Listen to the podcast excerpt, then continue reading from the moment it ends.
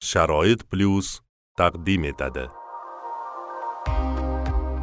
Sharoit plyus podkast loyihasi. Bir kunning o'zida rasmiylashtirib tmekka e, taqdim qilinishi mumkin ikkinchi guruh nogironlari bor. Haligi birinchi guruhdan ham ko'rish qobiliyati chap zaifroq qo'ling yo'q bo'lsa beraman o'ng qo'lga bermaymiz deb qaytarib yubordi masalan mana sharoit plyus podkast loyihasi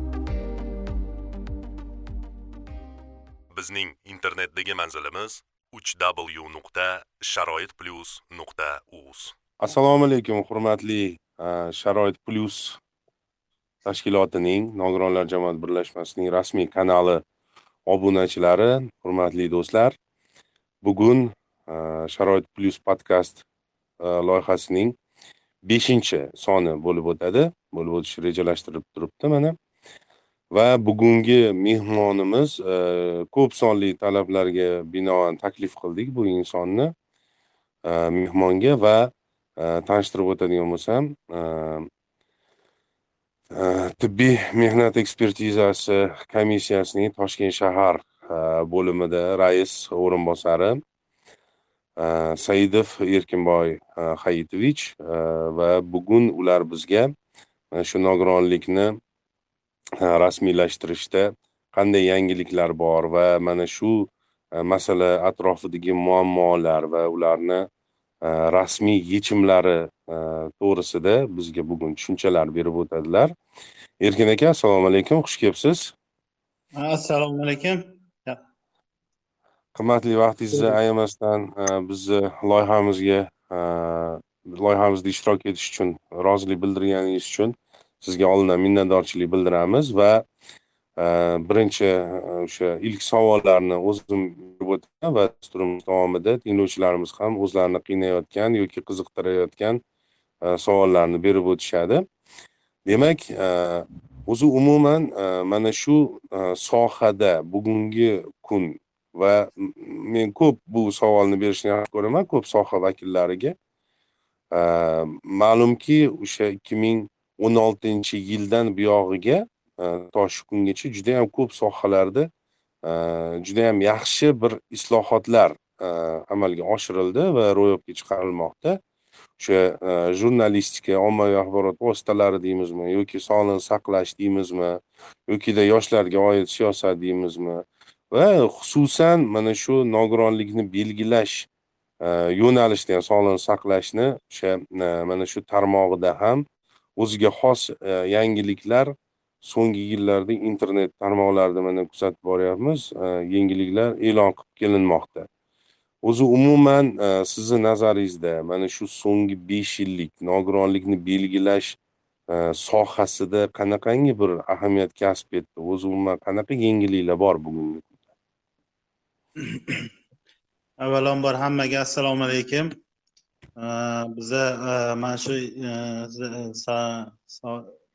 ikki ming o'n oltinchi yildan beri mana shu sohada ishlab kelyapmiz o'sha tibbiy ijtimoiy sohada ham juda ko'p yaxshi o'zgarishlar kirgizildi yangiliklar kiritildi sohada o'zgarishlar bo'ldi qo'shimcha nimalar o'zgarish va takliflar hammasi kiritildi bizlarda o'sha e, o'zimizga tegishli bo'lgan sohada oldin e, birinchi marta e, timekka tmekka murojaat qilib o'sha nogironlik belgilash sohasida birlamchi murojaat qilgan nogironlarda o'sha oldingi nimamiz bo'yicha qonunchiligimiz bo'yicha o'sha birinchi marta murojaat qilganlarda o'sha hujjatlar ro'yxati ya'ni shu timekka tmekka yo'llanma poliklinika tomonidan tmekka yo'llanma Э, kasallik tarixidan ko'chirmalar э, ambulatorniy karta э, kasallik varaqalari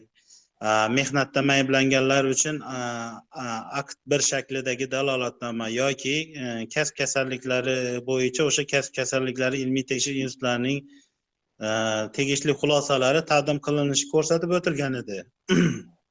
endi bizlarda e, ayrim tur kasalliklar bor. Masalan nogironligi aniq namoyon bo'lgan e, kasalliklar e, bor. Bugungi kunda o'sha yangi qaror loyihamiz bugungi kunlarda tasdiqlanish arafasida o'sha yangi kiritilgan loyihamizga o'sha hujjatlarni taqdim qilinishida o'sha bemorlarni bevosita to'g'ridan to'g'ri o'sha poliklinikadagi o'tkaziladigan tegishli bo'lgan hujjatlar bir kunning o'zida rasmiylashtirib tmekka taqdim qilinishi mumkin bo'ladi. Bundan tashqari mana bu bizni ikki ming o'n yettinchi yil birinchi dekabrdagi ellik yetmish ikkinchi sonli prezidentimiz farmoniga asosan o'zbekiston respublikasida nogironligi bo'lgan shaxslarning huquqlari to'g'risidagi qonun e, o- ikki ming yigirmanchi yil o'n beshinchi oktyabrda tasdiqlangan. O'sha qonunimizga asosan ham e, bizni tizimga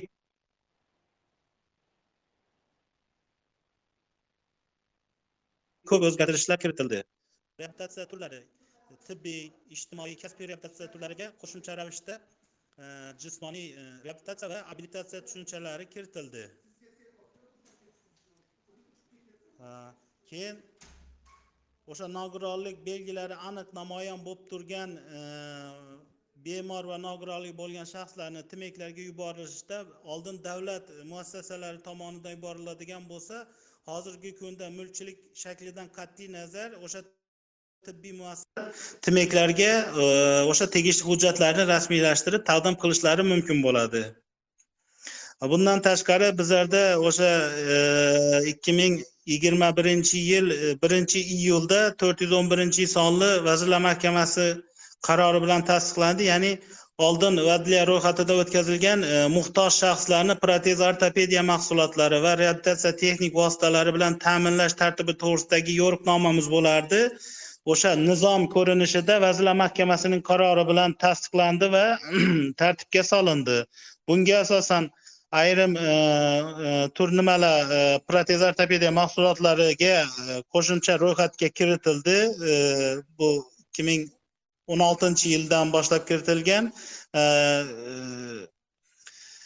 e, ko'z ojizlari uchun hassa alohida ta'minlanishi keyin xodunok deymiz xodunok va peshob qabul qilgich najas qabul qilgich kabi mahsulotlar qo'shildi. Bundan tashqari o'sha protezma ortopediya mahsulotlarini ta'minlanish uchun oldin o'sha tibbiy ijtimoiy sho'balarga murojaat qilib ular tomonidan talon rasmiylashtirib berilib o'sha talon bo'yicha o'sha bitta belgilangan o'sha korxonaga yuborilardi o'sha korxona tomonidan e, protez ortopediya mahsulotlari bilan ta'minlanilardi. Bugungi kunda o'sha nogironlik bo'lgan shaxsga tibbiy ko'rsatmaga asosan berilgan tibbiy xulosa bo'ladi. Misol misol uchun o'sha ma'lum bir protez ortopediya mahsulotiga muhtojligi bo'lsa Э, e, tmeklar tomonidan tibbiy xulosa rasmiylashtirib beriladi va o'sha tibbiy xulosaga asosan tibbiy ijtimoiy bo'limlar tomonidan sertifikat rasmiylashtiriladi. Bu sertifikat asosida nogironligi bo'lgan shaxs xohlagan bir e, ishlab chiqaruvchi korxonadan o'zi xohlagan ishlab chiqaruvchi korxonadan borib o'sha mahsulotni e, olishi mumkin bo'ladi. E, undan tashqari bizlarda birlamchi murojaat qiladigan e, yangi qaror loyihamizga kiritildi lekin bugungi kunda ish tartibimizda ham amalga oshirmoqdamiz. Yangi qaror loyihamizda e, ma'lum bir kasalliklarni birinchi marta ftekka murojaat tmekka murojaat qiladigan fuqarolar shunaqa kasalliklar ro'yxati tasdiqlangan ayrim kasalliklarni hech qanaqa tibbiy kuzatuvlar va reabilitatsiyalarsiz e, o'sha zahoti tmekka yuborish mumkin bo'lgan. Kasalliklar ro'yxati tasdiqlandi. Bir oy muddatda tmekka yuborish mumkin bo'lgan ikki oy muddatda va to'rt oy muddatda qilib kasalliklar o'sha ayrim tur toifalarga ajratildi. Kasalliklarning turiga kasalliklarning klinik kechishi yoki og'ir prognozli kasalliklar ham o'sha e, belgilangan muddatidan oldin e, nimada jarayon tezlashtirish maqsadida o'sha ro'yxatlar e, shakllantirilib o'sha vazirlar mahkamasi qaroriga kiritilgan. Asosan hozircha e, esimga esimizga tushgan o'zgarishlar shular lekin boshqa nimalar ham bor. Yangilik o'zgarishlar kiritilgan. Erkin aka mana shu e, hozirgi savolim ko'rish imkoniyati cheklanganlar misolida bo'ladi. E, mana ko'p guvohi bo'lganmanda mana misol uchun birinchi guruh nogironi va ikkinchi guruh nogironi ko'rish bo'yicha. Shunaqa birinchi guruh nogironlari bor.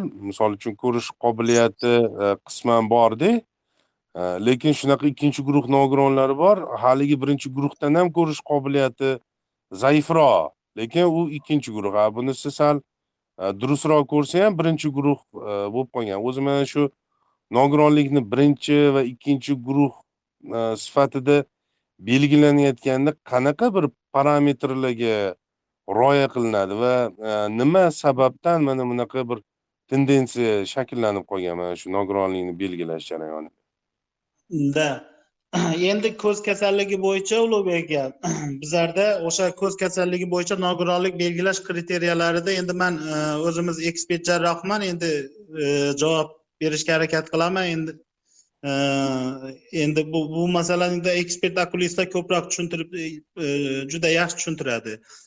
Ko'rish birinchidan ko'rish maydoni ikkinchidan ko'rish o'tkirligi. Keyin ko'z tubining holatiga qaraladi. Ko'z tubining holati. Masalan ko'zning ichida e, o'sha e, sistema sistema e, nimalari borda? Ko'zni ko'rish qobiliyatini belgilab beruvchi sistema organlar bor. O'sha organlar bir biriga bo'lgan korreksiyalari inobatga olinadi. Bizlarda birinchi guruh nogironligi masalan ikkala ko'zi ham umuman ko'rmasa ham birinchi guruh hisoblanadi yoki bo'lmasam yaxshi ko'radigan ko'zi nol nol uchgacha bo'lgan nimani ko'rish o'tkirligiga ega bo'lgan nogironlarga asosan birinchi guruh nogironligi belgilanadi. A ikkinchi guruh nogironligida e, nol nol uch birinchi guruhgacha nol nol to'rtdan boshlab nol nol sakkizgacha ko'rish o'tkirligi va tegishli ko'rish maydonlari bor. O'n besh gradus o'n gradus o'n besh gradus degan. O'sha nol nol to'rtdan nol nol sakkizgacha bo'lgan ko'rish e, o'tkirligiga ega bo'lgan nogironlarga e, ikkinchi guruh nogironliklari belgilanadi. Yo'q endi man savolni shunchaki e, ko'z ojizlik misolida berdim.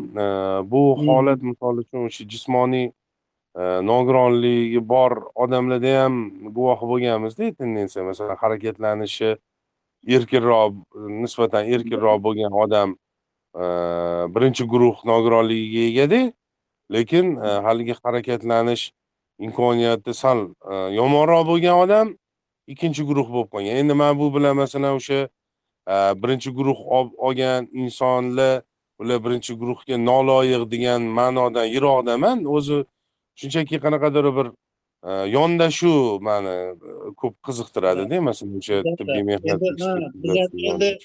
o'sha biza nimani baribir shifokorlik siri bor. Masalan ayrim kasalliklar bor ijtimoiy ahamiyatga ega bo'lgan ega bo'lgan kasalliklar bor. Chunki bu narsani ochiq oydin ko'cha ko'yda nima qilolmaymiz faqat o'sha bevosita o'sha e, fuqaroni ko'rikdan o'tkazib o'sha fuqaroga biz e'lon qilishimiz mumkin bo'lgan kasalliklar bor. Mana hozir man yana bu narsani ham tushuntirishga harakat qilaman. Masalan e, xalq tilida tushuntiraman biz bizga biz bilan sizga o'xshab xuddi yuradi ko'radi o'tiradi turadi ovqatini yeydi lekin birinchi guruh nogironligi belgilanadi bugungi kundagi qonunchiligimiz bo'yicha. Bu bu fuqarolar bu kontingent man aytaman ikkala buyragi umuman ishdan chiqqan. Umuman buyrak faoliyati ishlamayapti.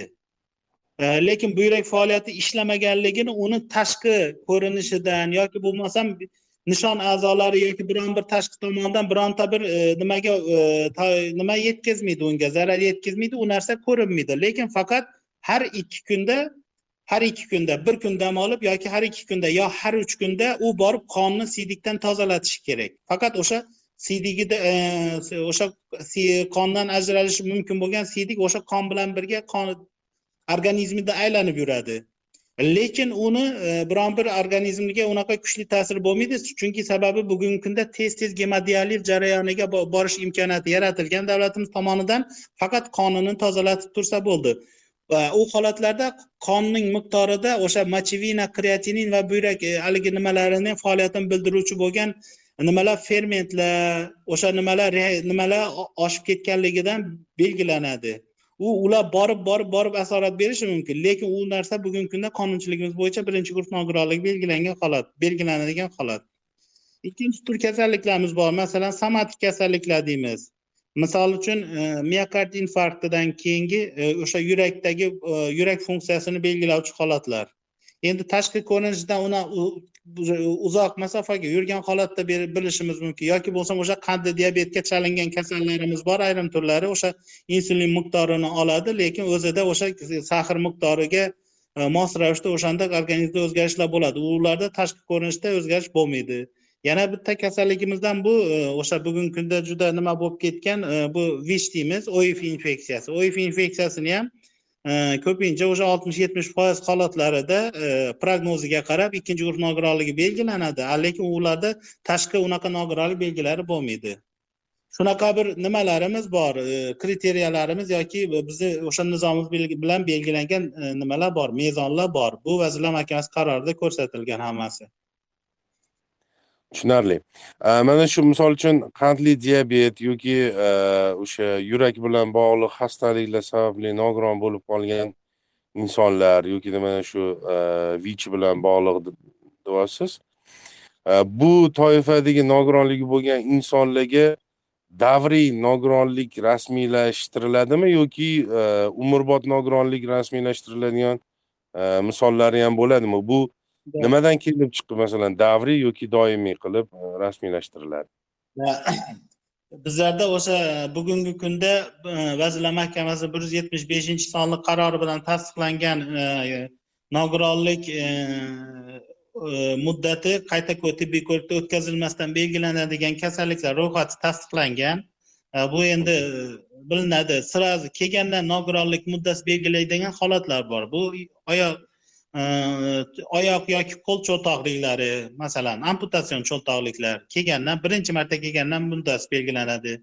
Karsa bolalikdan karsaqovliklar keyin tug'ma anomaliyalar uzoq bir necha yillardan beri o'sha yoki bo'lmasa tug'ilganidan beri falaj tug'ma falajliklar yoki bo'lmasam tug'ma e, aqliy zaiflikning o'rta va chuqur darajalarida bizlarda kelganidan sira nogironlik muddati belgilab beriladi. Bugungi kunda ham shu o'sha tug'ma anomaliyalari yoki aniq namoyon bo'lgan e, tashqi e, nogironlik belgilariga ega bo'lgan nogironlarga muddat belgilash siyosati bugungi kunda ham qo'llab quvvatlanmoqda bu bugungi kungacha ham bizlar tomonidan amalga oshirib kelingan.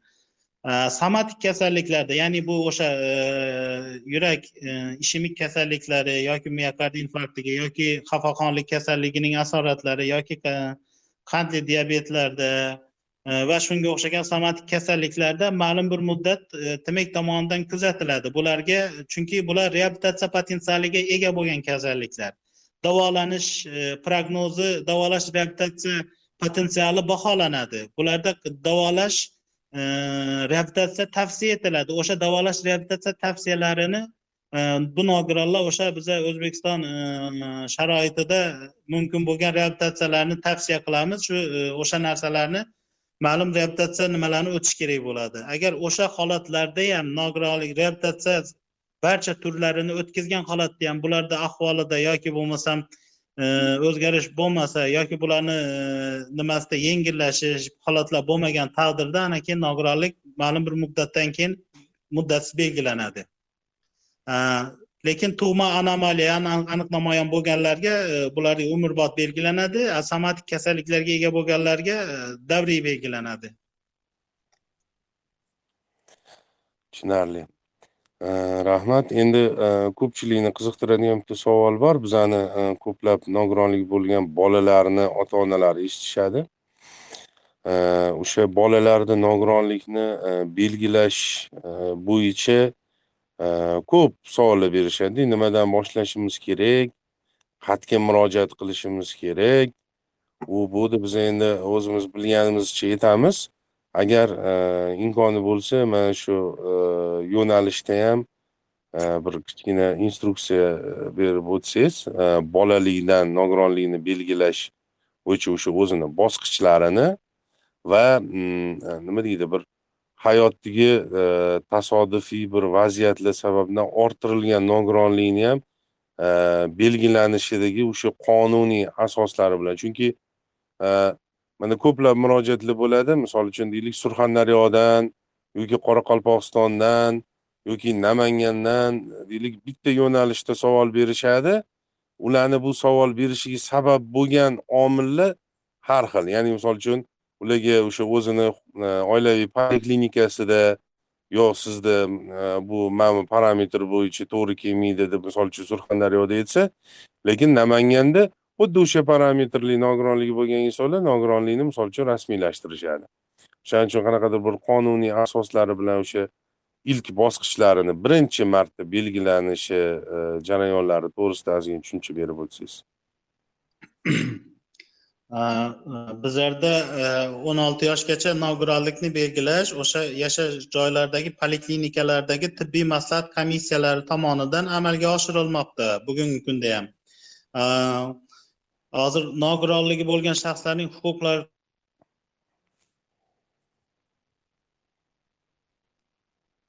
to'g'risidagi e, qonun qonun tasdiqlangandan keyin bizlarni vazirlar mahkamasini qaroriga kiritildi va bu yosh e, o'n sakkiz yoshgacha belgilandi.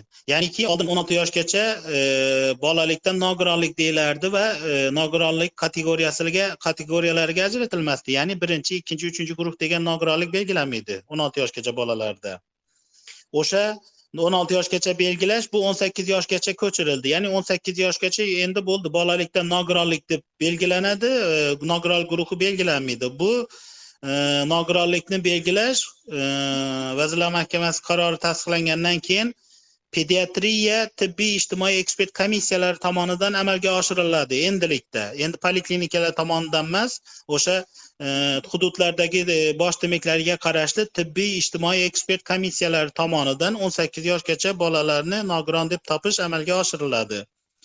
Buning uchun bevosita o'sha yashash joyidagi poliklinikalarga murojaat qilinadi. Poliklinikalar tomonidan tegishli hujjatlar e, o'sha kasalligiga oid hamma hujjatlar bilan birga hammasini rasmiylashtirib turib tegishli tmekka taqdim qilinadi va tmek tomonidan o'sha e, xulosalar belgilab chiqiladi. Э, o'n sakkiz yoshdan oshganlarga o'n sakkiz yoshdan oshganlarga ham masalan yoki biron bir kasallikka chalinish yoki uzoq muddatdan beri kasal bo'lib yurganlar oxirgi paytlarda sog'liq holati og'irlashib qolishi mumkin yoki bo'lmasam jarohat olib qolishi mumkin ma'lum bir sabab bilan yoki bo'lmasam o'sha e, birdaniga yoshi yo infarkt o'sha holatlar aniqlangandan keyin bular ham o'sha yashash joyidagi poliklinikalarga murojaat qilishadi. Poliklinikalarda bularni kasalligi bo'yicha ro'yxatga olinadi. Kasallik turiga qarab ular e, davolash reabilitatsiya dasturi tuzadi.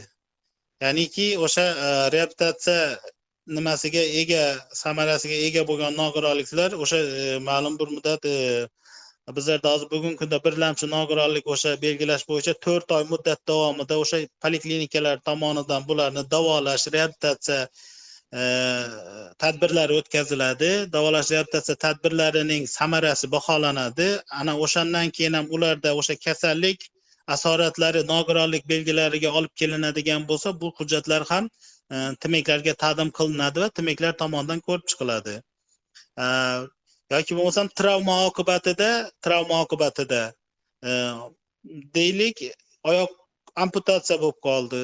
Yoki bo'lmasam qo'lda o'shanaqa e, amputatsiya bo'lib qoldi yoki bir boshqa bir majruhlik holatiga olib keldi.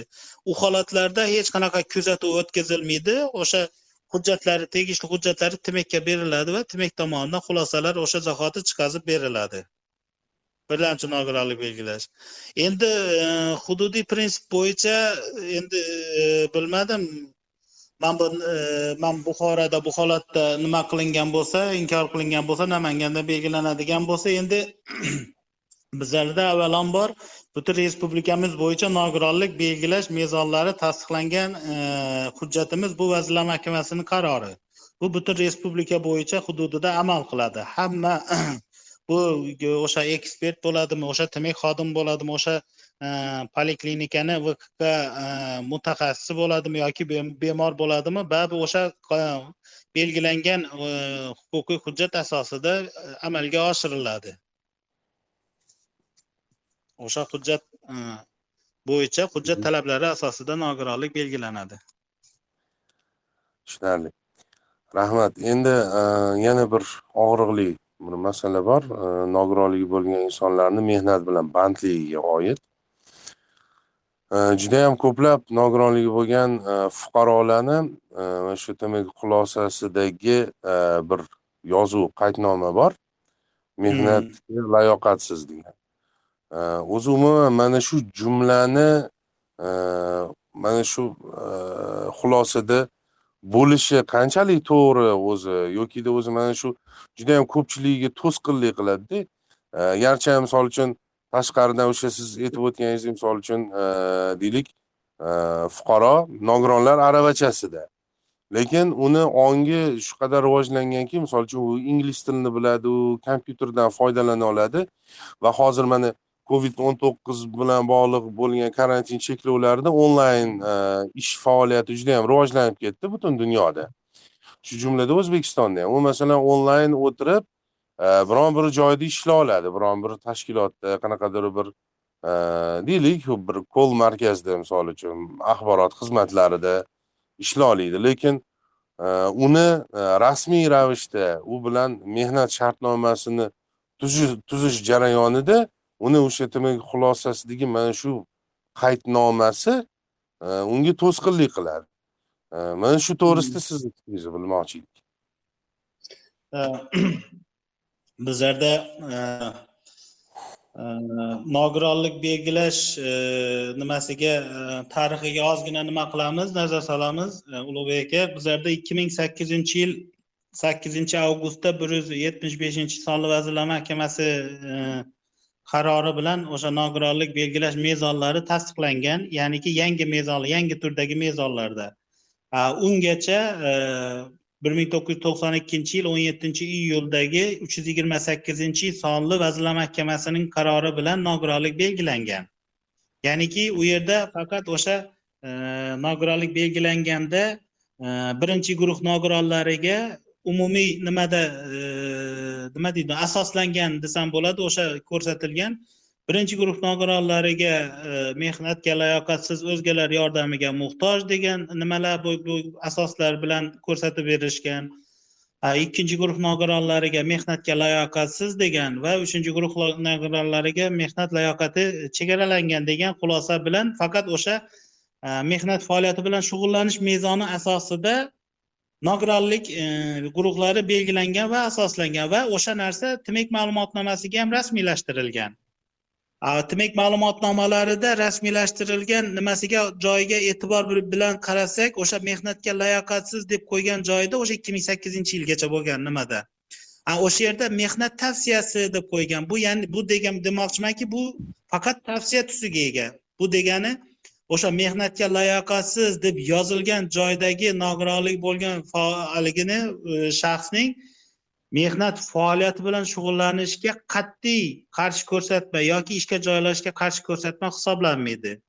Bugungi kunda bu mezonlar o'sha ikki ming e, sakkizinchi yildagi bir yuz yetmish beshinchi sonli qarori bilan tasdiqlangan e, va ikki ming o'n birinchi yilda u qaror ham o'z kuchini yo'qotib bir yuz to'qson beshinchi sonli qarorga o'tkazilgan ikki ming o'n birinchi yil birinchi iyulda ya'niki o'sha nogironlik belgilash mezonlari bu yettita mezonga ajratilgan oldin bitta faqat mehnat e, faoliyati bilan shug'ullanish mezoni bo'lgan bo'lsa keyin yetti xil mezonga e, ajratilgan. Bu birinchisi o'z o'ziga xizmat qilish e, layoqati.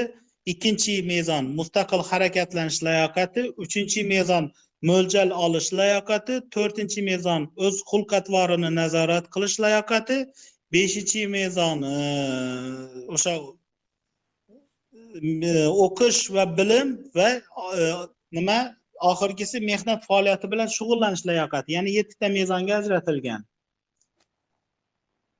Bugungi kundagi o'sha mehnat faoliyati bilan shug'ullanish layoqati ham uchta uchta darajaga ajratiladi. Birinchi darajasida o'sha mehnat faoliyatini mehnat layoqati chegaralangan ikkinchi darajada man qisqacha qilib nima qilaman e, maxsus yaratilgan sharoitlarda ishlashi mumkin bo'lganlar va uchinchi darajasi bu ya'ni o'sha kasallarni o'ta og'ir holatlarida e, o'sha e, bemorlarni va nogironlik bo'lgan shaxslarni kasalligi turiga qarab ularni mehnat faoliyati shug'ullanadigan mehnat turiga va ularning kasbi va ma'lumotiga qarab kasalligini og'irlashtirish og'irlashtiradigan sharoitlarda tmeklar tomonidan mehnat faoliyati shug'ullanish tavsiya etilmaydi. Ya'ni o'sha o'zini tiklab olish davriga o'zini sog'lig'ini tiklash davriga faqat o'sha e, sog'lig'ini tiklash uchun e, chora tadbirlar belgilanib mehnat faoliyati shug'ullanish tavsiya etilmaydi.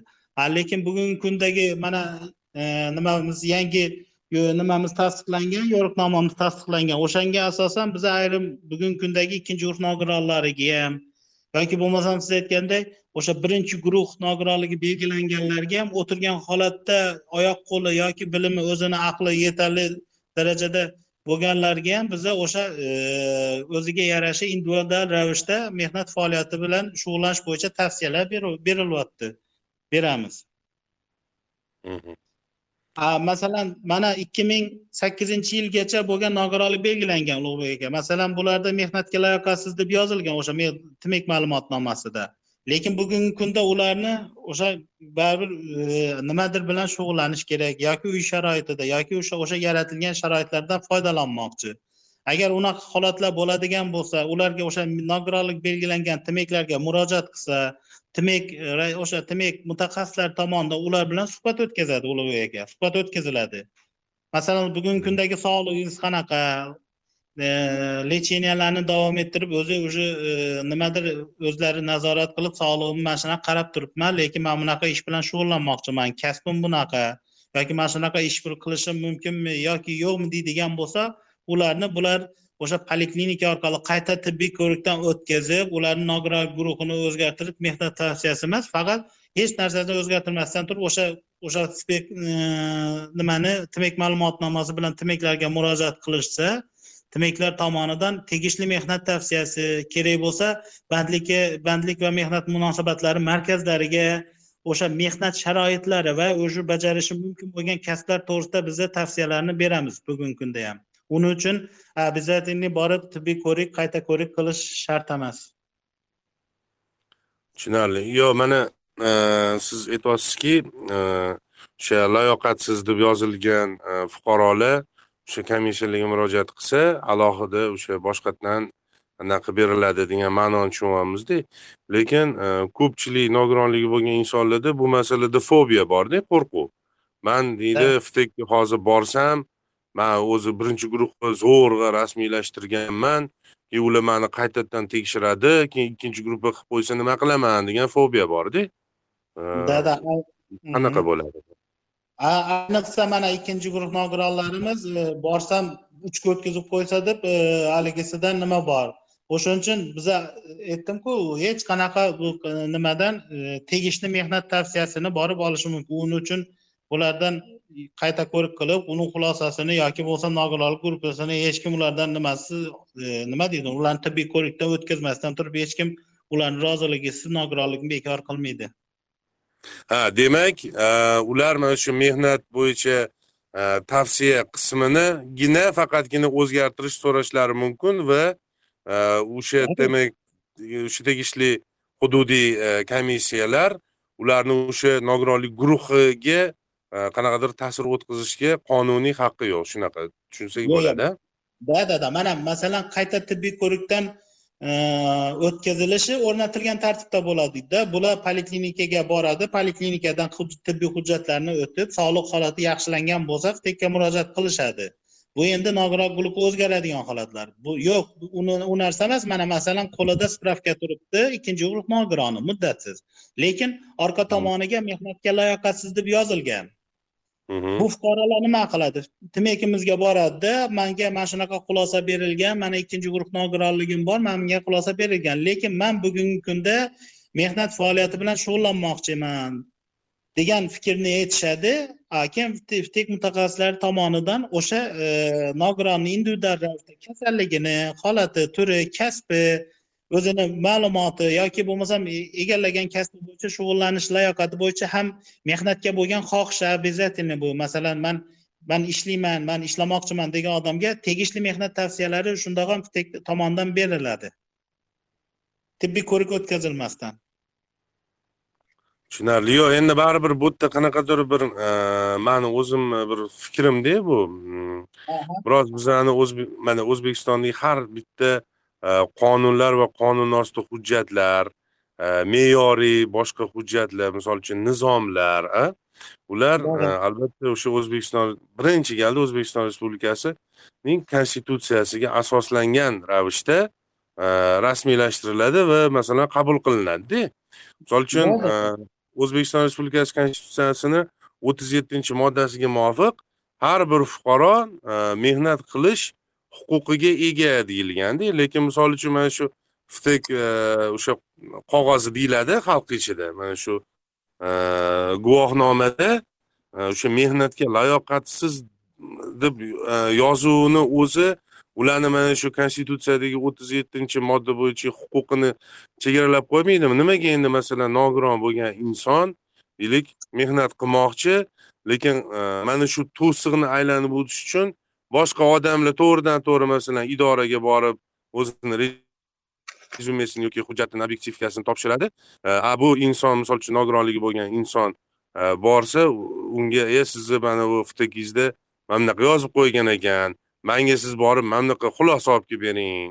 Desa bu bularni qanaqadir huquqi e, buzilgan hisoblanmaydi mana shu undan ko'ra qanaqadir bir alternativa topib mana shu ftik qog'ozdan mana shu yozuvni o'zi umuman bekor qilish masalalari ko'tarilmayapti. Mana o'zim oldin o'zbekiston ko'z ojizlar jamiyatida ishlaganman. Biza ko'p o'sha ellik yetmish o'zbekiston respublikasi prezidentining ellik yetmish sonli farmoni chiqishi oldida takliflar yig'ilganda ham aynan mana shu taklifni man o'zim ham bergan edimda mana shu yozuvni umuman bekor qilish to'g'risida. Nimaga biza shu narsaga bizani umuman tmek irodasi hali tayyor emasmi mana shunaqa yozuvni bekor qilishga?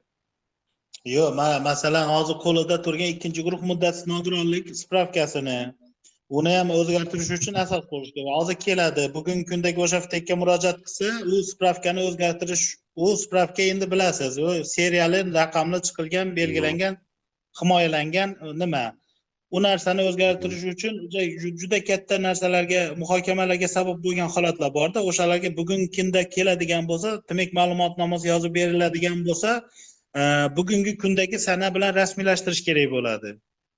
Lekin ularni nogironligi mana e, bir ayrimlarniki yigirma yil o'ttiz yil oldin muddati belgilangan bo'ladi. Lekin bugungi kundagi man mehnat tavsiyasini e, o'sha o'zgartirish uchun u xulosani bugungi kundagi fuqarolar qo'l qo'yib masalan nogironlik guruhi nogironlik mm, e, sabablari bor. Harbiy bo'ladimi bolalik bo'ladimi kasb bo'ladimi va o'sha muddatsiz bo'ladi. O'shani qayta rasmiylashtirib turib o'sha rasmiylashtirib bevosita o'sha e, hujjatga qo'l qo'ygan odamga javobgarlik o'tib ketgan bo'ladi. Lekin u yerda самом деле ular yigirma yil oldin bu xulosalar chiqarilgan. O'shaning uchun e, bizlarda bu narsaga qonuniyat hujjatlari nima qilindi? Muhokama qilinib turib mana bizlarda hozir bugungi kunda nogironlarga mehnat tavsiyalari berilyapti.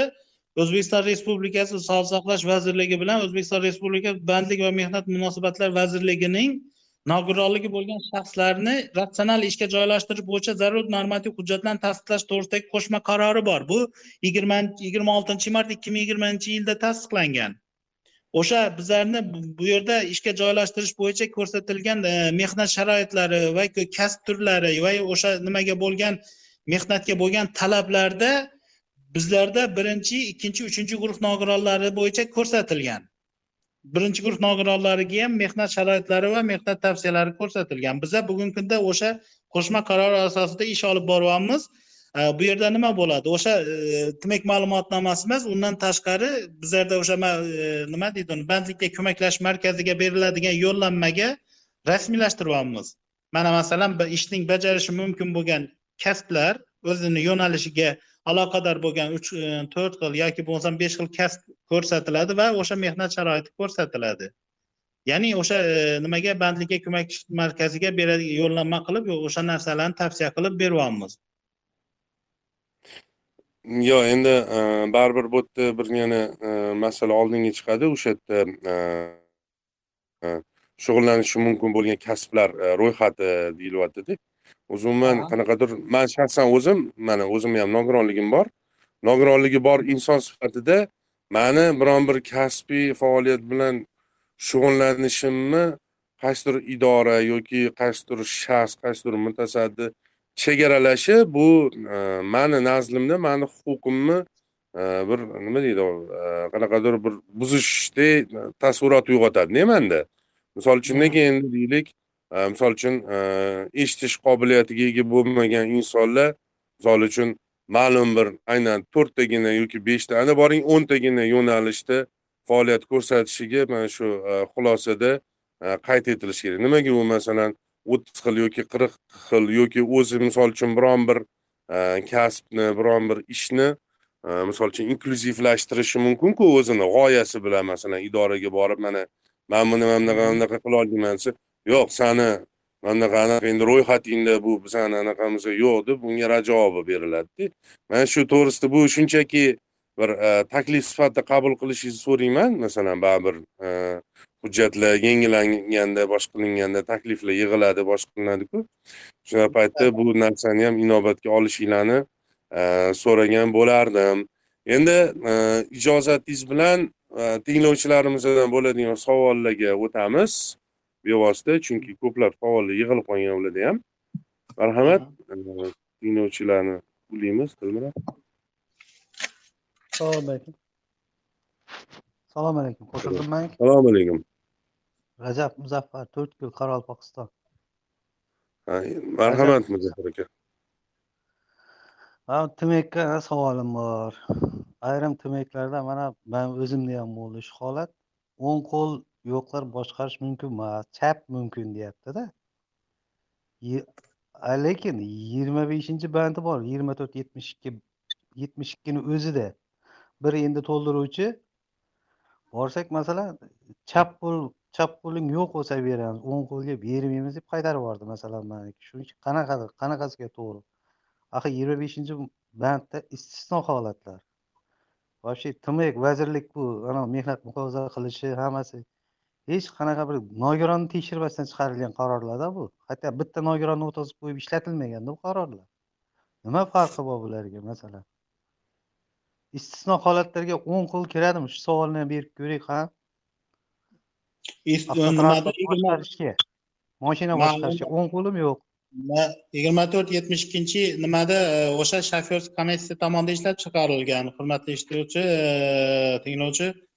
E, bu yerda u yerda yo o'ng qo'l yo chap qo'l yo istisno deyilgan emas aniq ko'rsatib qo'yilgan. O'sha yerda hozir man endi bizda hozir svet nimamiz o'chib qoldi o'sha o'sha bandimizga bandma band o'qib berardim.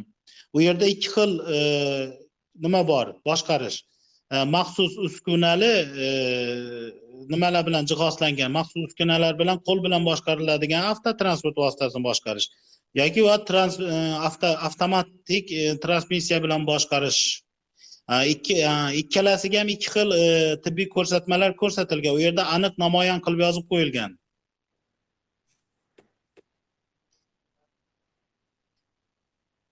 O'sha e, tegishli tibbiy ko'rsatmalar aniq namoyon qilib yozib qo'yilgan. E, avtomatik transmissiyani boshqarish uchun e, o'ng qo'l o'ng oyoqda unaqa nima bo'lishi kerak bo'ladi? Masalan chap qo'l amputatsiya bo'ladigan bo'lsa o'ng qo'lda boshqarish mumkin bo'lsa o'sha avtomatik transmissiyasiga nima beriladi? Boshqarish layoqati bor degan xulosa beriladi. Endi bu ham ikki ming o'n yettinchi yildan o'sha shofyorskiy komissiya deymiz o'sha shofyorskiy komissiyaga taalluqli bo'lgan narsa bu ko'proq. Endi e, nima bilan tmeklarga yuklab qo'yildi? E bu bu sohada endi ko'proq ular mutaxassis. Lekin biza bugungi kunda o'sha yigirma to'rt yetmish ikki bir drop bir sonli kiritilgan o'zgarishlar bo'yicha tmeklar tomonidan o'zgarishlar beriladi. O'sha yerda kasalliklar ro'yxati kiritilgan. Aniq kasalliklar ko'rsatilgan. O'sha kasalliklarga asosan qat'iy ravishda o'sha ko'rsatmaga asosan xulosalar xulosa beriladi. U yerda man nima bilaman lekin istisno tariqasida degan narsa yo'q. Uni yaxshilab o'qib ko'ring. Rahmat. Keyingi tinglovchimiz. Assalomu alaykum. Assalomu alaykum. Ismim xurshid familiyam istamov surxondaryo viloyatidanman. O'zimda ikkinchi guruh nogironligi bor. Savolim shundan iborat masalan hozir aytdilar kasalligi aniq ko'rinib turgan holatda hech qanday ortiqcha ovoragarchiliksiz e, komissiya tekshiruvidan o'tkaziladi. Ya'ni shu nogironlik umrbodga beriladi dedilar. Ya'ni shu aytmoqchiman masalan manda reumatoidniy poliartrit e, yana bir nechta kasalliklar bor. Уже manda suyak sistemasi buzilgan. Ya'ni suyaklarda bo'g'imlar shishib e, o'zini holatini yo'qotganda bunda o'z o'zidan ta'sir qilgan harakat cheklanishi hozir o'zim shu deyarli o'n ikki yildan beri hasada yurishga chiqib qolganman shunga muhtoj bo'lganman. Iftekka borganimda har doim mani e, ovora qilishganda masalan e, bir yil bir yil bir yil srok berib kelgan masalan manda ko'rinib turibdiku shu narsa. Man aytganimda masalan sizda hozir ham shunaqa davriymi yo doimiy rasmiylashtirdingizmi hozirgi kunda? Hozir endi yaqinda shu muddatim keladi e, rasmiylashtirish bo'yicha endi shunda masalan man o'sha tmek rahbariga borib qaysi nizom yoki qonun masalan shunday borib u kishiga aytganimda u kishi bilishi kerak. Man nima haqida gapirayotganimni masalan mani ovora qilmasligi kerak edi. Уже manda bu narsa umrbodga qolib ketgan narsada buni endi davolash iloji yo'q xurshidbek e, endi o'sha reumatoid artrit asosiy kasallik o'sha bo'yicha tushuncha bersam bo'ladimi? Tushuncha berishga harakat qilsam marhamat. Ha e, reumatoid artrit kasalligida e, bilasiz o'sha e, o'sha nimada mayda va yirik bo'g'imlarda o'zgarish bo'ladi. Bu yillar davomida o'zgarish bo'lib keladi. Agar o'sha reumatoid artrit kasalligining rengenologik stadiyalari bor o'sha rengenologik aktivlik davri bor aktivnost faol aktivnost nofaol bo'lgan davrlari bilan bo'ladi va renginologik darajalari bor. Renginologik birinchi renginologik ikkinchi va renginologik uchinchi darajalari bo'ladi. Agar kasallik kuchli tez rivojlanish oqibatida kelib chiqib o'sha renginologik uchinchi darajasi bo'g'im faoliyatining buzilishining uchinchi darajasiga olib kelishi mumkin. Shunaqa holatlar bo'ladi. E, renginologik darajasi birinchi ikkinchi uchinchi daraja va bo'g'im faoliyatining darajasi birinchi darajada bo'ladi. Bugungi kunda bizni zamonaviy tibbiyotimiz rivojlangan bularni korreksiya qilish imkoniyati yaratilgan. O'sha narsalar tavsiya qilinadi. Yo agar orqaga qaytmas protsess ya'ni masalan bo'g'imlarni bo'g'imlar e, renginologik uchinchi to'rtinchi darajalarga o'tdi ya'ni bo'g'imlarda o'sha e, ankiloz darajalari bo'g'imlarning e, funksional noqulay holatdagi e, qotib qolish holatlari aniqlanadigan bo'lsa bu holatlarda o'sha funksional noqulaylik tug'dirishi bo'lsa bu yerda nogironlik muddati belgilanadi. Bu narsani o'sha vtekka borganingizda aytasiz man bu oldin nimada yuqorida aytib o'tdim. Vazirlar mahkamasining bugungi kunda e, amal qilayotgan nimasi vazirlar mahkamasining ikki ming sakkizinchi yil sakkizinchi avgustdagi bir yuz yetmish beshinchi sonli qarorining oltinchi ilovasida ko'rsatilgan kasalliklar ro'yxati muddati belgilanadigan. Tushunarli. Rahmat. Keyingi tinglovchimiz?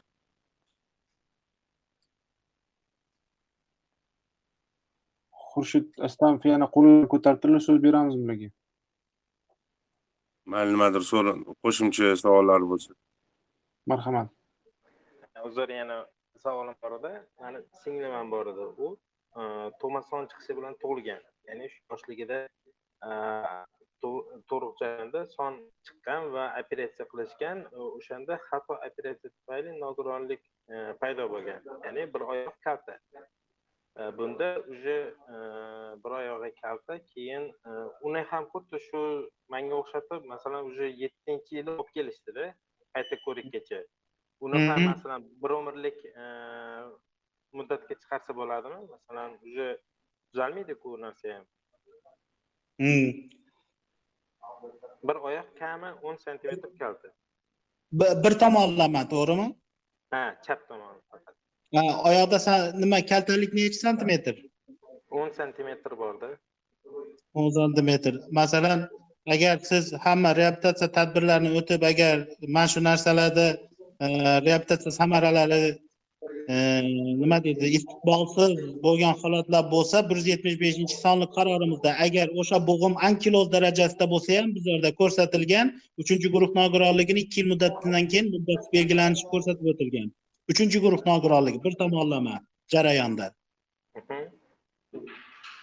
O'sha narsa ko'rsatib o'tilgan. Masalan hozir e, ya'ni uch o'sha bo'g'im tug'ma chiqishdan keyin tug'ma chiqishdan bugungi kunda operativ davo o'tkazilgan bo'lsa e, o'sha holatda artroz rivojlanadi. Artroz uchinchi to'rtinchi daraja bo'lib o'sha bo'g'imda cheklanish paydo bo'ladigan bo'lsa man aytganday o'sha uchinchi gunoh belgilanadi. Lekin bu holatni bugungi kunda bartaraf etish imkoniyati yaratilgan. Ya'ni o'sha bo'g'imni endoprotezlash holatlari mavjud endoprotez o'tkazilishi mumkin. Endoprotezlar e, nimalarni operatsiyalarini tavsiya qilinadi. Agar tavsiya o'sha tavsiyalar o'tkazilmasa ham nogironlik muddati belgilanmaydigan holatlar bo'ladi. Ya'ni e, bir yil e, bir yil yoki ikki yil muddatga ikkinchi guruh nogironligi belgilashadi. Endi e, nima uchun? Imtiyoz o'sha foydalanish yoki davolanish mana bu o'ziga nima qilish uchun davolanib olish davriga deb bizlar tomonidan o'sha ikkinchi guruh nogironligi belgilab berilgan bo'lishi mumkin. Qachon e, umrbodlikka chiqariladi masalan? Umrbod aha. Endi narxi ham masalan e, chakana narx emasda. Bunda e, bo'yicha uch ming dollar. Endi masalan kim qanaqa ishlatishiga bog'liq? Buni endi har qo'yganki har o'n yil o'n ikki yilda almashtirish kerak bo'layotgan. E, Hmm. bu masalasi ham borda masalan o'shani masalan endoprotez qo'ymasa qo'ymasa уже avtomatik u tak tak nogiron bo'ladi bu umrbodlikka endi bu endi endoprotez bizlarda deydi davlat dasturiga kiritilmagan o'sha eng bir nima tomonimiz agar yaxshi bo'lardi agar o'sha o'sha e, muhtoj nogironlarga endoprotezlash nimasini ham yo'lga qo'yilsa bosh- boshqa bu nimalarga o'xshab ana o'sha holatlarda endoprotezlash bo'lganda bu davlat tomonidan qo'yib berilardida va o'sha ko'rib chiqilardi. Hozir bu holatda endi e, nima deydi uni hozir necha yildan beri nima dedingiz nogironligi? E, ikki yoshidanda ikki yoshdan. Уже ikki yo bugun yo necha yoshligini aytmadingiz singlisi Ha, yigirma ikki. Yigirma ikki yoshda. Значит nimada? o'n olti yoshdan keyin ham o'n olti yoshdan keyin ham nogironlik olib kelganlar. Ha olib kelgan. Endi umumiy asosda bo'ladigan bo'lsa besh yil kuzatuvdan keyin muddat belgilash mumkin bo'ladi. Agar umumiy asoslarda bo'ladigan bo'lsa. Tushunarli. Rahmat. Marhamat keyingi tinglovchimiz dilmurod fazolat ismli tinglovchimiz marhamat mikrofoningizni yoqing Allo, assalomu alaykum. salom Am, Buxorodan bo'laman. Birinchi guruhman. Men bu o'zimizga ariza qilgandim o'sha sog'lik anaqasiga. Nima deydi, aravacha hali berilmadi menga. 7 yildan beraman shu anaqadaman. Bizaga berilmaydi, zakaz anaqa qilinmaydi bu yerda dedi. O'zbekistonda o'zi yuradigan aravacha. Ha men bunday aravacha beramiz dedi. Chunki men qo'llarim ham ishlamaganiga shuni aytuvdim. Shunga qayerdan anaqa qilsak bo'ladi? Shuni haqida ma'lumot bera olasizlarmi?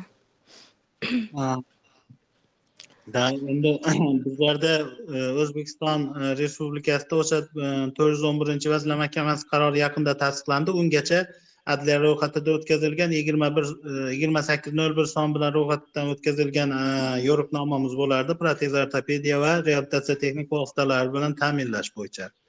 Endi O'zbekiston O'zbekiston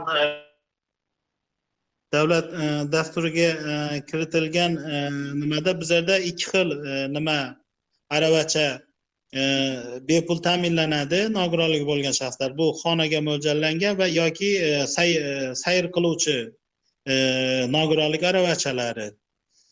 Lekin bu avtomatik ravishda boshqa boshqariladigan aravachalar bugungi kunda davlat tomonidan nimaga olinmagan? Ta'minlash bo'yicha ro'yxatga. Hmm. Shunga hokimiyatga ham murojaat qilib ko'ruvdim. Shunaqa deyishdida. Chet eldan kelishadi, sotib olsa bo'ladi deyishdi. da. Endi masalan bepul ajratiladigan reabilitatsiya vositalari ro'yxatida yo'q demak e, Ha, motorli o'sha narsa kiritilmagan. Endi biza ham endi bir ikki informatsiya qilganmiz где то u besh ming dollarmi besh ming yevro atrofida chet eldan olib kelinar ekanda juda haligi qimmat nima e, vosita. Keyin e, haligi mana bizlarda masalan fuqaro agar mana shu ta- tavsiya qilingan nima borku? Mhm. bir yuz oltmish oltinchi vazirlar mahkamasi qarori bor. Mana tavsiya qilinadigan e, o'sha mahsulotni olmasdan turib o'zi xohishi bilan boshqa joydan boshqa mahsulot olinadigan bo'lsa unga shu e, davlat tomonidan beriladigan e, vositaning nimasi kompensatsiya qilib to'lab beriladi deyilgan ya'ni o'sha masalan sayr sayr qiluvchi yoki прогулочный nima tavsiya qilinadigan bo'lsa kreslo aravacha siz uni olmasdan turib o'zingiz o'sha tomondan chetdan tavsiya chetdan aravacha sotib olsangiz o'sha nimani miqdoridagi sayr qiluvchi yoki xonaga mo'ljallangan aravachani puli miqdorida kompensatsiya to'lab beriladi deb ko'rsatib o'tilgan lekin. Keyin yuz o'n birinchi sonli qarordami u? Qaysi qarorda ko'rsatilgan u? Bu bu yaqinda nimaga o'tkazildi? To'rt yuz o'n birinchi sonli vazirlar mahkamasi qaroriga. E, nimada? Bir yuz oltmish oltinchi bir yuz oltmish oltinchi bir yuz oltmish olti nima? Texnik vositalarning kompensatsiya to'lovi bo'yicha. Rahmat aka keyin yana bitta savolim manga dorukor yordam qilishsin deb anaqaga chiquvdim. Manga yordam qilishmayapti endi imkoniyatim anaqa bo'lganiga uni qayerga murojaat qilsam bo'ladi? Nima dori darmon ekan? Shu o'zimga ana hozir больницаga yotsam e, uyda endi больницаga yotishga sharoitim yo'q. Uyda ham olishga ham yo'qligi uchun. Dorukol uyda olib tur deb yozib bergan anaqalarni shu anaqa qilmoqchimanda yordam olmoqchiman. Endi ha endi savolingizga ham man nima sifatida e, o'zim bilganimcha ja- javob berishga harakat qilaman. Chunki bu bevosita o'sha davolash profilaktika muassasasiga bog'liq. Chunki o'sha ular ular ham xuddi shunaqa reabilitatsiya texnik vositasiga o'xshab o'sha davlat tomonidan berilgan dori dori darmonlar ro'yxatiga asosan o'sha e, dorilar bilan ta'minlashadi ular ham davlat tomonidan ajratilgan dorilar bilan. Agar undan tashqari dori bo'lgan nima qilingan e, nima deydi sizga e, nazorat qilingan bo'lsa tavsiya qilingan bo'lsa endi nimani bilmadim. Rahmat. Keyingi tinglovchimizga so'z beramiz dilmurod. A, marhamat tinglovchilarimiz agar savollaringlar bo'lsa qo'linglarni ko'tarishinglarni so'rayman. Hozircha. Ma- marhamat mikrofoningizni yoqish kerak bo'ladi. Marhamat. Assalomu alaykum hammaga. Assalomu alaykum. Meni savolim shunday iborat ediki. O'zingizni tanishtiring. Nogironlar bo'yicha nogironlar bo'yicha uy joy masalasi bo'yicha qanday imtiyozlar bor nogironlarga? Uy joy olish masalasi bugungi mavzuyimiz bo'yicha emas bu savol. Bugun biza nogironlikni belgilash ya'ni e, tibbiy mehnat ekspertizasi komissiyasi vakillari bilan biza bugun suhbat qilyapmiz uy joy masalasi bugungi suhbatimizga tegishli emas.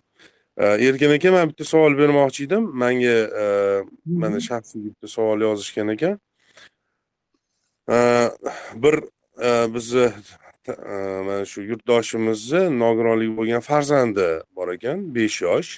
Uni bir oymi shunaqa oldin e, nogironlik o'sha anaqasi tugagan ekan muddati. Bolasini farzandinida bular endi mana bu ozgina e, koronavirus sababli ayrim o'sha karantin cheklovlari sababli bular rasmiylashtirish imkonini qilisholmagan ekan. Boshqatdan tibbiy ko'riklardan o'tib hujjatlarni qilib boshqa qilib o'shani amalga oshirisholmagan ekan. Endi mabodo e, muddati o'tib ketdi. Mana shu keyingi oygacha rasmiylashtirsak mana shu oralig'idagi e, biz o'tkazib yuborgan o'sha pensiya to'lovlari boshqalar bizga to'lanadimi yo'qmi degan savol berishmadi. Bular endi hozir o'sha e, pensiya jamg'armasi mutaxassislariga ta- taalluqli e, savol. Endi bunga ham nima qilaman o'zim bilganimcha. Mana e, agar o'sha uzilish bo'lsa orada uzilish tanaffuslar deyiladi bu tanaffuslar bo'lganda o'sha pensiya jamg'armalari tomonidan avtomatik ravishda bir oy oldingi nimasidan boshlab to'lab beriladi agar uzilish bo'ladigan bo'lsa Mhm. Bizlarda mana biza endi o'sha o'n olti yoshdan kattalarda bizlarda nogironlik belgilaymiz o'sha birinchi ikkinchi uchinchi kurs nogironlik belgilanadi Mhm. uzilish bo'lgan davrida ya'ni o'sha davrda agar timek tomonidan o'sha nogironligi bo'lgan shaxs o'sha o'tgan davrda ham nogiron deb topilsa uzrli uzrli sabablar bilan tmekka murojaat qila olmagan bo'lsa uzrli sabablar. Bular o'sha davolanish yana qanaqadir uzrli sabablarni ko'rsatishda o'sha o'tgan davrda timek tomonidan nogiron deb topilsa o'sha narsa e, nimadan e, nima deydi pensiya jamg'armalari tomonidan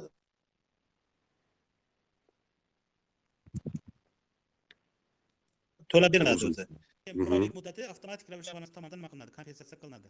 To'lanadi. Tushunarli. Tushunarli. Yana e, mana savol davomi bor ekan. E, umuman mana e, har yili yoki har ikki yilda boshqatdan o'sha nogironligini belgilatishar ekanda farzandligisini shuni umuman mana oldin o'n olti yoshgacha bo'lgan hozir o'n sakkiz yoshgacha bo'ldi deyapsiz. Umuman o'n sakkiz yoshgacha bo'lgan davrda o'sha o'n sakkiz yoshga to'lgunga qadar nogironligini belgilasa bo'ladimi yoki bu bolalarda har o'sha yili yoki har ikki yilda borib boshqatdan tibbiy ko'rikdan o'tib nogironlik belgilanadi? Mana e, buni alomatlari nogironligini o'sha e, belgisi shunaqa ekanki e, ko'zini o'sha katarakta va mm, o'sha ko'z gavhari almashtirilgan umuman o'sha nima edi vrachlar tomonidan bu judayam zaif anaqa ancha davosi Э, passiv bo'lgan davosini iloji bo'lmagan kasallik sifatida vrachlar tan olishar ekanda bu narsani. Mm, да да da bizlarni xuddi bizlarni o'sha nogironlik belgilash mezonimizga o'xshagan o'sha e, bugungi kunda o'n olti yoshgacha nogironlik belgilash bo'yicha ham nizom tasdiqlangan. Ular nizom tasdiqlangan. U ro'yxatda o'sha kasallik turlariga qarab nogironlikni bir yilga nogironlikni ikki yilga va o'n olti yoshgacha belgilash bo'yicha kasalliklar ro'yxati tasdiqlangan u yerda. Hozir e, aynan mana shu holatda masalan katarakta yoki ko'zini e, o'sha operativ davo bilan e, tiklashni imkoniyati bo'lmaydigan bo'ladi bo'lmaydigan bo'lsa bu holatda ham o'n olti yoshgacha nogironlik belgilab berilishi mumkin. Xudo xohlasa yaqinda nizomimiz tasdiqlangandan keyin o'n sakkiz yoshgacha bo'ladi. O'shanaqa qilib belgila- belgilanadi tushunarli rahmat. davolanishga nimasi bo'lmasa ya'ni o'sha davolab bo'lmaydi davolash samarasi nol deb baholanadigan bo'lsa e, shu o'n olti yoshgacha yoki yaqinda xudo xohlasa o'n sakkiz yoshga belgilanadigan kasallik nimasiga kiradi bu holat? Tushunarli. Rahmat. Dilmurod bormi tinglovchilarimizda savol? Kamoliddin qurbonov marhamat. Mikrofoningiz yoqib marhamat. Assalomu alaykum. Yaxshimisizlar erkin aka saidov sizga savolim bor edi bitta shu tushunarsiz biz uchun juda yam tushunarsiz man ta'lim sohasida besh yil ishlaganimdan keyin nogironligimni eh, olib bordim va shu bo'yicha manga pensiya tayinlandi orada ishlamadim bir yil va o'n besh yil ishladim mana hozir morif sohasida. Endi hozir sabiyezga shu olib borsam man eski pensiya bilan qolib ketganmanda hozir olib borsam endi siz shu qarilikka chiqasiz shu bilan. Sizni o'sha besh yil ishlaganingizdan keyingi eh, pul summalaringiz umumiy qaralgan hozirgi o'n besh yil ishlagan bu kelib hozir endi bu pensiya ta'minoti bo'yicha savol bo'lyaptida shunaqa ulug'bek aka. Bu tmga nisbatan aloqasizroq e, savol deb bilaman. Sababi e, tmg faqat o'sha nogironlik guruhingizni belgilab belgilab beradi. Boshqa imtiyozlar pensiya ta'minoti va boshqa imtiyozlarni o'sha tegishli vazirlik idoralar belgilaydida E, biza kelajakda niyatimiz bor mana murojaatlardan kelib chiqib o'sha pensiya e, jamg'armasi bilan ham bir podkast qilamiz. Albatta kuzatib borsangiz mana shu savolingizni ularga bersangiz bo'ladi manda bo'lmasam oxirgi savol o'zim bermoqchi edim shaxsiy. Agar siz ham tinglovchisiz marhamat. Am, rahmat katta erkinboy aka shu suhbat uchun. Mani savolim shundan iborat ediki bilamiz mana ham ko'rmaydigan ham eshitmaydigan o'sha nogironligi bo'lgan shaxslar bor. Rus tilida slepoglухий deyiladi. Misol uchun rossiya federatsiyasida ularga misol uchun alohida e, nogironlik e, ya'ni toifasi. beriladi ya'ni slepoglухой deyiladi.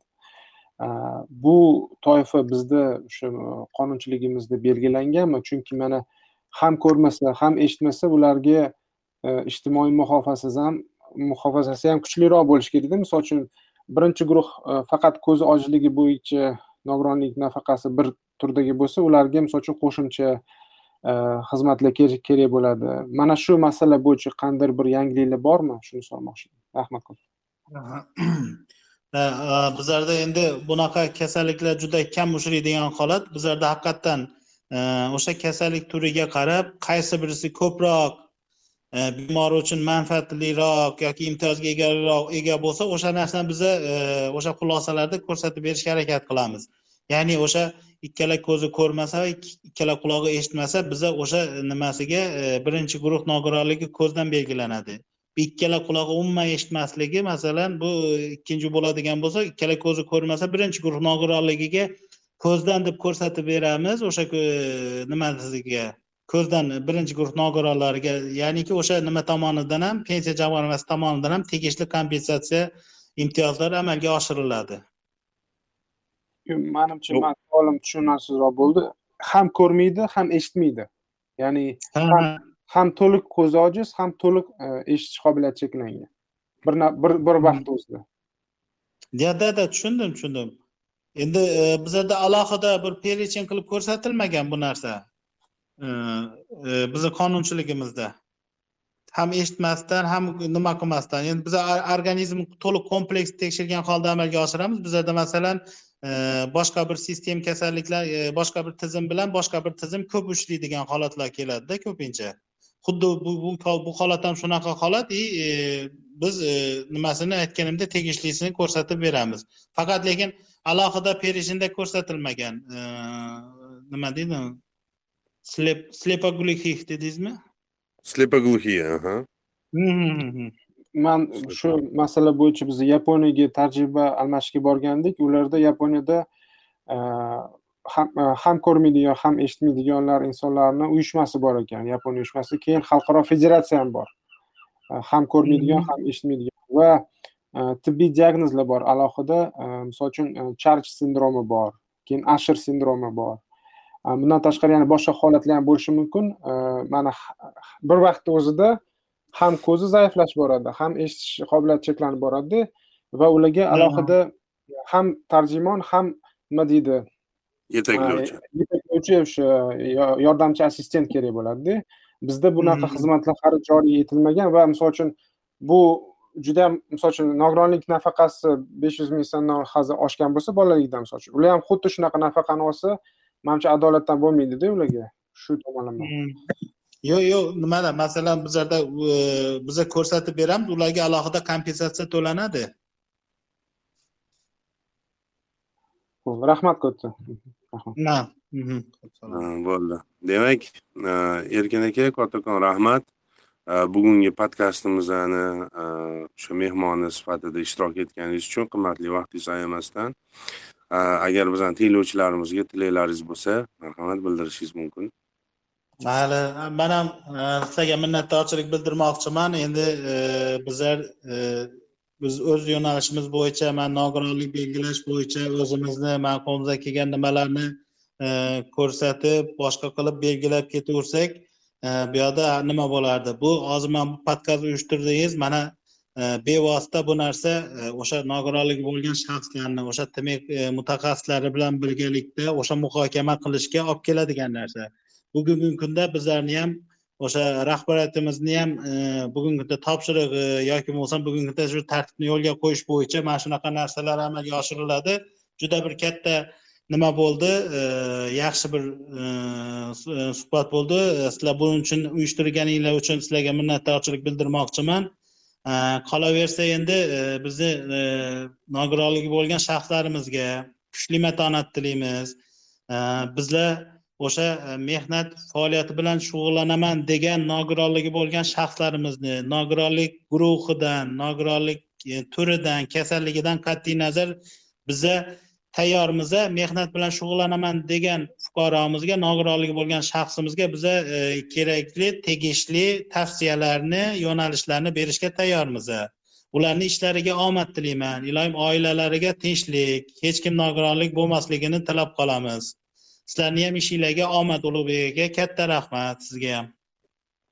Kattakon rahmat. Aytgandek bir kichkina boya savol beraman dedim hayolimdan chiqib ketibdi. Mana shu nogironlik belgilash masalasi bo'yicha huquqi buzilgan bizni e, yurtdoshlarimiz qanaqadir bir ishonch telefon raqami bormi? Bir murojaat qilishi mumkin bo'lgan yuqori turuvchi organ biz ha yaqin bir ikki oy bo'ldi bizani tizimimiz o'zgardi. Oldin biza sog'liqni saqlash vazirligi tizimida edik. Ishonch telefonimiz bo'lardi o'n nol uch degan. Endi biza tibbiy ijtimoiy xizmatlarni rivojlantirish agentligiga o'tdik. Agentlik shakllantirildi. Agentlikda ishonch telefonlari bo'ladi xudo xohlasa. O'sha ishonch telefonlari orqali murojaat qilishlari mumkin. Bundan tashqari nogironlik masalalarida tmek xulosalaridan norozi bo'lgan fuqarolar masalan rayon tmek xulosasidan norozi bo'lgan fuqaro e, o'sha viloyat bosh tmekiga yoki toshkent shahar bosh tmekiga e, toshkent shahar bosh tmeki xulosasidan norozi bo'lgan fuqarolar e, respublika tibbiy ijtimoiy ekspertiza inspeksiyalariga bevosita murojaat qilishlari mumkin bo'ladi. O'rnatilgan tartibda sudga ha biza xudo xohlasa bog'lanadigan bo'lsak biza mana bu nima tashkillashtirilsa ishonch telefonlari hammasi yo'lga qo'yilsa xudo xohlasa biza bog'lanib turib ma'lumot beramiz qo'shimcha. Bo'ldi. Kattakon rahmat erkin aka. Demak barcha tinglovchilarimizga qimmatli vaqtini ayamasdan bizani podkastimizni tinglash uchun kelganinglarga e, rahmat deb qolamiz. Sog' bo'linglar salomat bo'linglar. Keyingi podkastlarda g'oyibona uchrashguncha xayr